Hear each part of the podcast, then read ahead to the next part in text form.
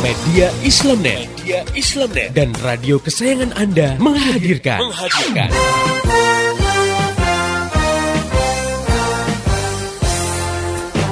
Voice of Islam. Voice of Islam. Voice of Islam.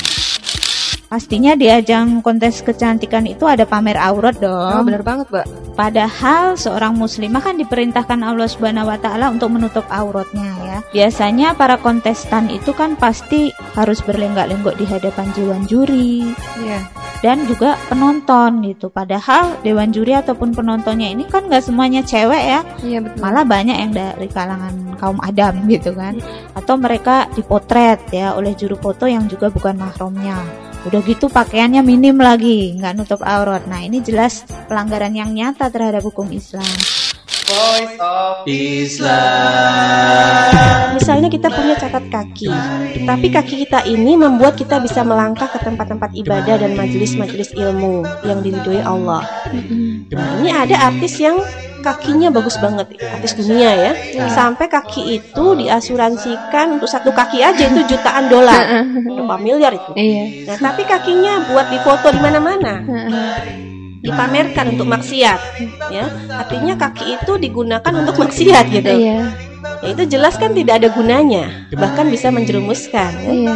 makanya yang namanya fisik itu sudah karunia ya kita harus bersyukur Al-Quran sudah mengingatkan sedikit sekali orang yang bisa bersyukur jadi bisa bersyukur itu itu adalah sesuatu yang sangat mahal Mari menimbang masalah dengan syariah. Voice of Islam.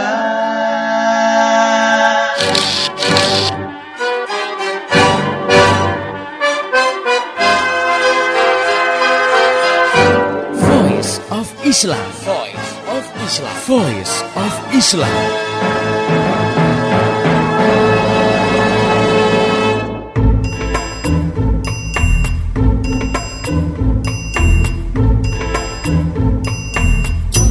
Indonesia, Assalamualaikum warahmatullahi wabarakatuh. Jumpa lagi dengan saya Tresna Sari dalam program Voice of Islam, kerja bareng media Islamnet dengan radio kesayangan Anda ini. Dan seperti biasa selama 30 menit ke depan saya akan menemani ruang dengar Anda dalam rubrik Keluarga Sakinah. Dan di sini saya ditemani oleh seorang pakar yang insya Allah pendengar yang budiman selalu menunggu-nunggu pakar ini yaitu Ustazah Insinyur Ratu Erma Rahmayanti dan beliau adalah pembina Forum Mar'ah Solihah Pusat Pengembangan Islam di Bogor. Baik, kita sapa dulu beliau. Assalamualaikum warahmatullahi wabarakatuh, Ustazah. Waalaikumsalam warahmatullahi wabarakatuh. Bagaimana kabarnya hari ini? Alhamdulillah baik. Ya, alhamdulillah. Baik, pendengar yang budiman, insya Allah kali ini kita akan mengangkat tema tentang perjanjian pranikah. Apa sebenarnya perjanjian pranikah dan bagaimanakah perjanjian pranikah itu sendiri? Insya Allah kita akan memperbincangkannya. Baik, kita langsung saja berbincang-bincang dengan Ustazah Insinyur Ratu Erma Rahmayanti. Ustazah, sebenarnya seperti apa faktanya tentang perjanjian pranikah itu sendiri? Bismillahirrahmanirrahim. Baik pendengar yang budiman dan Mbak Tresna. Perjanjian pranikah ini cukup dikenal ya. Jadi sudah tidak asing ya Mhm. di, di kalangan masyarakat yang bahasa asingnya juga disebut dengan prenuptial agreement ya. Nah, eh, perjanjian pranikah atau prenuptial agreement ini adalah perjanjian yang dibuat sebelum pernikahan dilangsungkan. Jadi Hmm, sebelumnya iya. ya. mm-mm. Nah, ini bersifat mengikat ya kepada calon mempelai yang akan nikah dan nanti isi perjanjian itu berlaku sejak pernikahan dilangsungkan. Bagaimana dengan isinya? Isinya ini mengatur bagaimana pembagian harta kekayaan di antara mereka. Mm. Ya, nah kalau suatu hari nanti terjadi perceraian atau kemudian terjadi kematian salah satu dari mereka. Ya. Nah, ya tadi seperti disinggung bahwa perjanjian ini dilakukan di depan pegawai kantor catatan sipil Mm-mm. dan biasanya ya perjanjian tersebut ditulis di atas kertas yang dilengkapi materai dan juga dibubuhi tanda tangan. Oh iya. Ya, ya. Di dalam perjanjian pranikah itu berisi syarat-syarat yang diajukan baik oleh pihak perempuan dan atau laki-laki bila mereka nanti jadi menikah. Ya Mhm. atau berisi kesepakatan untuk melakukan atau tidak melakukan sesuatu setelah mereka menikah nanti. Mhm. Pada awalnya adanya prenuptial agreement ini itu mengatur masalah atau kesepakatan tentang eh, seputar harta ya. Terutama nanti kalau mereka bercerai ya, berapa yang akan dibawa suami gitu kan Mhm. dan berapa yang eh, dibawa istri, kemudian berapa yang istilahnya itu harta bawaan suami se- Mm-mm. sebelumnya, nanti harta bawaan istri sebelumnya Sebelum apa dan lain dicatat. Mhm. Kemudian nanti bagaimana kalau setelah melakukan nikahan itu ya mereka mendapatkan penghasilan eh, Sendiri-sendiri. bersama ya Mhm. atau eh, itu bagaimana pengelolaannya dan lain-lain. Nanti Oh, kalau iya. bercerai berapa eh, pembagian di antara mereka. Nah, Mhm. seputar itu ya perjanjian pranikah ini ya. Tapi kemudian dalam perkembangannya tapi kesepa- kesepakatan itu tidak berbicara soal harta, tapi juga meluas ya kepada persoalan pengasuhan anak ya, Mhm. kemudian masalah kekerasan dalam rumah tangga dan Mhm. sebagainya. Ya seperti itu gambaran perjanjian pranikah. Mm-mm.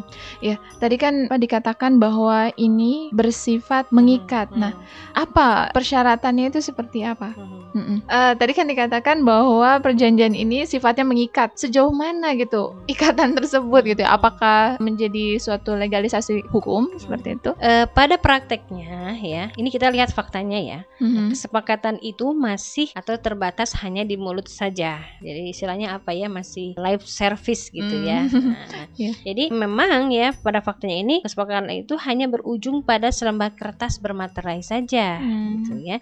Nah, meski memang ada yang melakukan tetapi pada umumnya banyak yang melanggar gitu ya. ya. Nah, Mm-mm. jadi memang ternyata nih secara faktanya dilaksanakan atau tidaknya itu hanya tergantung pada seberapa besar kesadaran masing-masing pihak untuk menjalankan komitmen tersebut. Mm-mm. Nah, jadi Iya. Hanya eh, seberapa sadar sih mereka terhadap komitmen, nah Mm-mm. itu aja gitu, tidak ada eh, apa jaminan. Nah, Mm-mm. dari fakta itu kemudian ya beberapa pihak mencoba untuk memperbaiki lah ya Mm-mm. me- pelaksanaan dari perjanjian pranikah itu ya supaya benar-benar eh, mengikat Mm-mm. gitu ya. Jadi eh, semacam nanti ada sanksi. Nah, Undang-undang ya, jangan-jangan enggak. ya bisa jadi ya Hmm. di antaranya yang su- mungkin sudah masyarakat juga sedikit tahu ya mendengar tentang adanya undang-undang PKDRT ya Iya, penghapusan mm-mm. kekerasan dalam rumah tangga Mm-mm. belum lagi nanti bahwa Undang-Undang Perkawinan Nomor 1 Tahun 74 ini akan minta direvisi karena Hmm. sudah tidak eh, sejalan sebenarnya. lagi dengan Iya. fakta pernikahan eh, di masyarakat sekarang ya dan dan dan lain sebagainya maka saya khususnya melihat ada upaya ya untuk memperbaiki pelaksanaan ya dari adanya perjanjian pranikah ini supaya Hmm. betul-betul ditaati Mhm. oleh mereka. Mm-mm. Iya iya. Nah kalau tadi ya kondisi yang ternyata sampai sekarang gitu ya kondisinya masih cuman di mulut aja nah kayak gitu. Nah ya buat apa gitu ada perjanjian pernikah ini kalau faktanya seperti itu gitu. Memang ya, eh, menurut sebagian kalangan, perjanjian pranikah itu sesuatu yang penting dan banyak Hmm. manfaatnya. Mhm. Ya, mengapa? Ya, mereka mengatakan begitu karena eh, mereka melihat pernikahan tidak pernikahan saat ini ya, Mm-mm. kebanyakan itu tidak sesuai dengan harapan dari pernikahan itu sendiri. ya. Hmm, gitu. Nah, di benak banyak orang yang namanya pernikahan itu kan masih menempati posisi ideal, ya Mm-mm. yang bisa menawarkan sejuta keindahan ya dan kesejahteraan Mm-mm. dalam hidup. Yep. Ya. Mm-mm. Nah, dengan harapan besar itu, ya banyak orang kemudian tidak siap ketika menghadapi kenyataan kehidupan perkawinannya tidak menghadirkan keindahan. Malah sebaliknya, ya, yang terjadi adalah kesengsaraan. Mm-mm. Dan tidak sedikit yang menjadi korban dari dari Pernikahan pernikahan, itu. itu, Mm-mm. justru adalah perempuan. Nah, sehingga Iya. Mm-mm. uh, perempuan ini dianggap sebagai korban dari institusi pernikahan. Ini ini sudah Hmm, ter- terlontar ya opini ya atau pernyataan uh, seperti itu. Jadi untuk mengantisipasi agar mereka tidak tidak jatuh dalam kesengsaraan, dan Kesengsaraan. juga menjadi korban dari kekerasan, maka sangat perlu dibuat kesepakatan sebelum pernikahan. Mm-mm. Nah, agar hal-hal yang tidak mengenakan itu ya, atau yang tidak diharapkan tadi itu bisa tercegah dengan adanya kesepakatan ini. Mhm. Ya. Tadi seperti saya sudah singgung sedikit pada perkembangannya ya saat ini nih kepentingan adanya kesepakatan pranikah itu lebih ditonjolkan untuk kepentingan perempuan. Ya, Iya. mengapa ya? Karena ya tadi dianggap perempuanlah yang banyak menjadi korban Iya. dari institusi pernikahan, Pernikahan. itu. Jadi perempuanlah yang banyak mengalami ketidakadilan, Zolim gitu ya, zolim. kekerasan, ketidaksetaraan dalam Mm-mm. rumah tangga. Sehingga itu perlu dibuat kesepakatan agar suami tidak mendominasi, tidak mengungkung, ya, Mhm. tidak mengekang istrinya. Tuh. Mhm. Nah ini fe- fenomena ini banyak dilakukan oleh artis-artis dan Iya. mereka yang mengaku sebagai aktivis perempuan. Mhm. Nah, gitu ya, yang membela hak Hak hak-hak dan kepentingan perempuan. Mm-mm. Jadi mereka sebelum menikah itu ya, itu bikin kesepakatan Mhm. ya di- di atas kertas ya dibuat poin-poinnya, diberi materai dan lain-lain dan dimasukkan, disimpan ya Mhm. di, Mm-mm. di catatan sipil. Jadi nanti kalau suaminya atau istrinya itu tidak melakukan poin-poin yang disepakati itu bisa dituntut gitulah ya kurang lebih. Iya. Ya. Nah, jadi eh, tadi tuh masih mm, macam-macam ya poinnya itu isinya. Ada yang misalkan begini, satu, agar suami tidak melarang istri bekerja. Nah, itu bisa begitu Iya. nanti isi kesepakatannya. Su- eh, dua, agar suami tidak melarang istri melanjutkan studi. Mhm. Nah, gitu ya. Tiga, suami tidak memukul atau menganiaya istri. Mm-mm. Empat dan seterusnya. Termasuk dilarang poligami mungkin nanti. Bisa jadi, Bisa jadi situ saja, ya. Mm-mm. Jadi empat gitu ya, suami saya tidak boleh poligami Iya, misalnya. Itu ya bisa saja. Mhm. Ya, dan itu kan tergantung kesepakatan eh, mereka. Jadi bagi sebagian orang yang melihat hal tersebut itu penting dilakukan. Kenapa? Mm-mm. Karena nggak ada jaminan hukum. Mhm. Kalau suami Kelanjutan rumah tangganya akan Mm-mm. baik gitu ya. Oke pendengar yang budiman, sebelum kita lanjutkan perbincangan kita yang semakin seru ini tentang perjanjian pranikah, kita dengarkan lagu yang berikut ini. Tetap setia di Voice of Islam.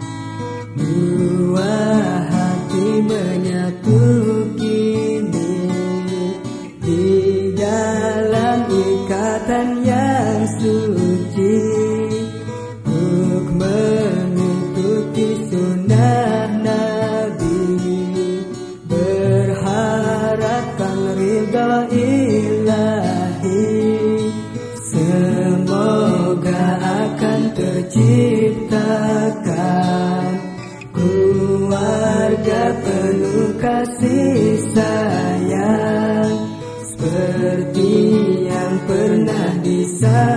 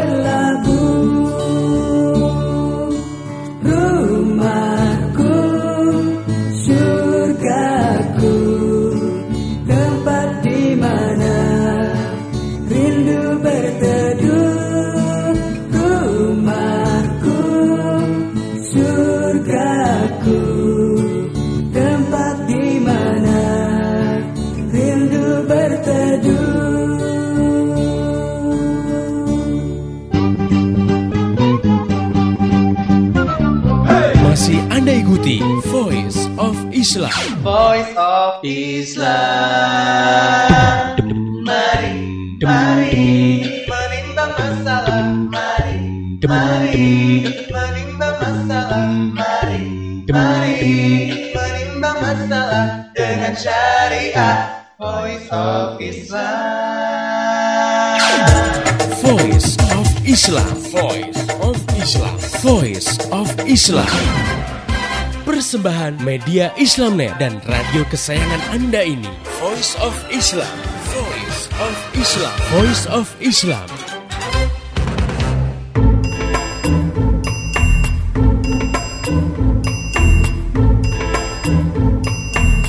Masih di Voice of Islam, kerja bareng media Islamnet dengan radio kesayangan Anda ini. Pendengar yang budiman, tadi kita sedang membahas tentang perjanjian pranikah. Nah, apakah itu per- perjanjian pranikah, seperti apa, lalu sifatnya mengikat ataukah tidak, tadi sudah cukup dijelaskan ya. Tadi ada hal yang menarik gitu ya.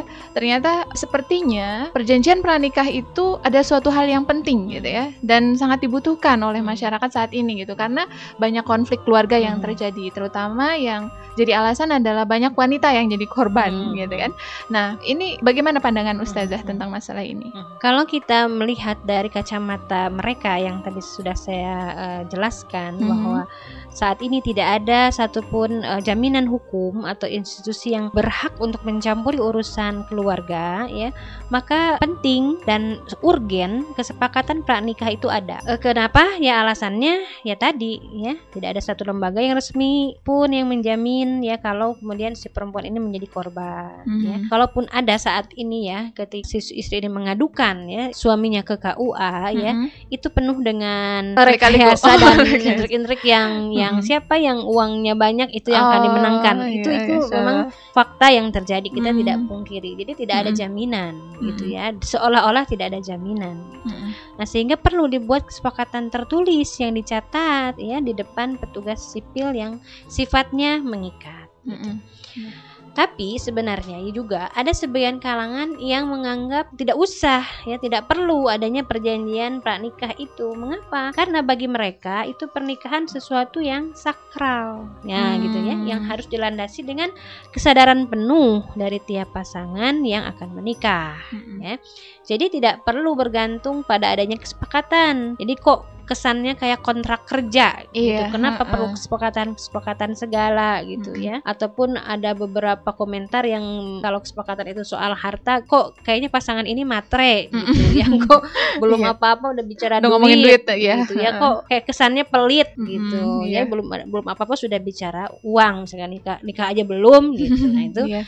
sebagian juga ada yang begitu. Jadi ini memang masih tergantung bagaimana orang melihat uh, sudut pandang orang melihat apakah ini perlu atau tidak. Hmm, Nah, iya. seperti itu Mm-mm. ya kalau kita lihat faktanya. Kalau nih ya, kalau perjanjian pranikah Hmm. ini nggak nggak ada gitu ya. Hmm. Nah, kira-kira apa Hmm. nih Bu yang Hmm. yang akan terjadi di masyarakat kita? Mhm. Nah kalau kita pakai ya, persepsi orang yang mengatakan itu harus, Harus, atau urgen karena tidak ada satupun uh, jaminan ya, maka tentu saja nanti akan membawa kesengsaraan khususnya bagi perempuan. Mhm. Nah, kenapa? Karena kita di perempuan ini kebanyakan berposisi sebagai korban Mhm, ya. Iya. dan akan mengalami kesengsaraan. Itu uh, gambaran mereka sesuai dengan persepsinya ya. Mhm. Kalau tidak ada perjanjian, maka seperti itulah yang akan terjadi, terjadi. Per- penderitaan demi penderitaan yang akan dialami perempuan. Mhm. gitu. Oke, nah bagaimana pandangan Islam sendiri Hmm. gitu ya dalam perjanjian pranikah ini? Hmm. Sebenarnya ada apa enggak gitu dalam Islam Hmm. dan apa memang ternyata Islam pun berpandangan sama gitu seperti Hmm. orang yang mendukung perjanjian pranikah ini kayak gitu. Mm-mm. Bila kita lihat ya faktanya ya perjanjian pranikah seperti itu Mhm. ya sebenarnya isinya itu dibenarkan ya ada kalau kesepakat isi kesepakatan tidak bertentangan dengan hukum syara. Hmm. Nih ya.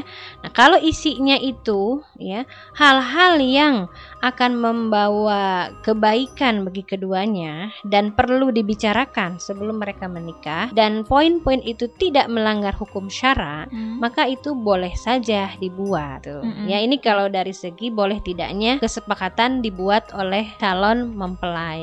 Jadi ada ada ada satu hal yang perlu dicamkan di situ bahwa perjanjian pranikah tadi tidak menghalalkan yang haram gitu ya. Yang sebenarnya syariat, Islam itu menghalalkan, tapi karena ada perjanjian menjadi haram, misalkan Hmm. gitu ya. Nah, atau mengharamkan yang halal. halal. Mm-mm. Sebenarnya eh, syara eh, syariat Islam mengharamkan itu, poin itu. Mm-mm. Tapi menjadi boleh karena ada kesepakatan. perjanjian itu. Nah, Mm-mm. Maka perjanjian isi perjanjian seperti itu Mm-mm. itu tidak boleh Mm-mm. jadi nggak boleh ya. tidak boleh itu. dibuat. Mm-mm. Itu kan sama dengan memutarbalikkan hukum, Hukum syara. syara. Mhm. Apa contohnya ya dari menghalalkan yang haram ya misalkan begini. Suami istri membuat perjanjian pranikah ya yang isinya jika suami meninggal dan mereka tidak dikaruniai anak maka warisan mutlak jatuh pada istrinya. Misalkan Hmm. poinnya dibuat begitu. Mm-mm. Nah, padahal kan dalam Islam harta suami yang meninggal tanpa dikaruniai anak itu tidak seluruhnya jatuh pada istri, gitu ya. Nah, di situ tuh masih ada ya dari harta si suami tadi masih ada bagian untuk orang tuanya, Mhm. ada bagian untuk saudara kandung suami gitu ya. Nah, itu tidak boleh dibuat Seperti poin itu ya. seperti itu. Mm-mm. Atau misalkan kasus yang lain gini, ketika akan menikah misalkan ya, seorang istri ini berkomitmen dengan si calon suami itu, jika setelah lima tahun mereka tidak punya anak, Mhm. mereka akan bercerai. Oh, masya Allah ya. Nah itu juga Iya, eh, contoh poin yang tidak boleh. tidak boleh ya, yang eh, menghalalkan yang haram, gitu ya. Nah, nah tentu saja komitmen itu kalau dibuat merupakan komitmen yang salah, ya. Meski kan memang eh, yang menjadi tujuan dari pernikahan itu kan mendapatkan keturunan. Iya. Ya, walaupun seperti itu ya. Nah, meski eh, misalkan dengan tujuan yang baik sebenarnya ya, supaya suaminya punya keturunan jika menikah dengan perempuan lain Mm-mm. gitu ya. Jadi tidak bisa dengan dengan tujuan baik dalam tanda petik maksud baik itu kemudian jadi mensahkan adanya perjanjian seperti itu. Oh itu juga nggak bisa ya, meskipun baik gitu kan? bisa. Nah kalau yang contoh tadi misalkan eh, lima tahun setelah menikah kalau kita tidak punya anak kita bercerai. Nah itu Mm. bisa praktek itu nanti sama dengan nikah mut'ah atau kawin kontrak. Hmm, iya, Kan? iya. Karena pernikahan itu tidak boleh diperjanjikan untuk bercerai. Contoh yang mengharamkan yang halal Nah, ya, itu gimana? Itu adalah kesepakatan yang mengharamkan yang halal jika misalnya ya suami meminta perjanjian yang isinya tidak membolehkan istri menutup aurat. Wah. Jadi kalau nanti kamu menikah dengan saya Mm, tidak iya. boleh misalkan ya pakai kerudung Mm-mm. karena nanti akan menghalangi kecantikanmu misalkan Mm-mm. begitu. Dan istrinya misalkan harus mentaatinya itu itu tidak tidak bisa. Mm-mm. Ya kenapa? Ya tentu kita mengerti ya karena menutup aurat itu kan wajib Iya. hukumnya. Jadi sebenarnya ya dilihat dari dua hal yang harus dijadikan catatan tadi ya. Nah, perjanjian pranikah itu sebenarnya bukan perkara yang wajib dilakukan. Ya tadi kan saya sudah singgung boleh ya bila boleh-boleh aja. memiliki kriteria atau atau syarat eh, boleh dilakukan kalau tidak me- melanggar hukum syara ya isinya. Nah, s- dan sebenarnya itu perjanjian pranikah itu tidak wajib dilakukan ya. Dan kesepakatan semacam ini juga sebenarnya tidak diperlukan ya atau dengan kata lain kesepakatan ini bukan sesuatu yang darurat dan penting. Ti- Tidak ya. Mengapa ya? Karena yang penting itu sebenarnya adalah pernikahan itu kan komitmen suami dan istri ya untuk memenuhi hak dan menunaikan kewajiban masing-masing. Itu sudah sudah komit tuh mereka tuh sebenarnya dengan buat akad gitu nikah ya. pun. Ah, iya. Sudah komit. Mhm. Karena apa? Karena kan pelaksanaan hukum seputar kerumah tanggaan itu ya seperti pergaulan antara suami istri, pengasuhan anak, pendidikan, pemenuhan nafkah, waris, masalah nasab atau keturunan dilaksanakan itu sebagai hukum syariat Islam yang harus dijalankan oleh suami Dan maupun istri. istri. Mm-mm. Iya. Jadi bukan atas dasar Perjanjian, Perjanjian tadi. pranikah. Mm-mm. Bukan, ya. Karena apa? Berjalannya rumah tangga itu didasarkan pada lafaz ijab dan kobul yang mereka ikrarkan saat akan nikah dilangsungkan. Mm-mm. Jadi sebenarnya ijab kabul yang membuat mereka sah untuk menikmati apa pun yang berasal dari mereka berdua dalam dalam hal ini pem- pemenuhan hak ya masing-masing dan harus segera menunaikan kewajiban di antara mereka. Itu ya Mhm. eh, di situ letaknya. Jadi Nah, bila e, kalau pelaksanaan hak dan kewajiban itu hanya berdasarkan pada kesepakatan saja, maka pelaksanaannya itu tuh tidak ada nilainya apa-apa di hadapan Allah Subhanahu wa taala. Ya. Kalau mereka melakukan semua proses rumah tangga itu hanya karena Berdasarkan- selembar Iya, kertas. lembar kertas bermaterai tadi Materinya gitu. harganya mungkin enam ribu rupiah. iya, gitu. iya. Masya Kalau niatnya hanya karena Mm-mm. itu, Mm-mm. nggak ada nilai apa-apa gitu di hadapan Allah Subhanahu wa taala, Mm-mm. ya. Nah, ini harus dipahamkan. Jadi sebenarnya ya tidak diperlukan adanya kesepakatan pranikah ini. Mm-mm. Tapi yang urgen itu sangat diperlukan adalah adanya akad atau komitmen ijab kabul yang didasarkan pada kesadaran untuk menjalankan syariah Islam khususnya dalam rumah. Pernikahan. Oke. Pernikahan.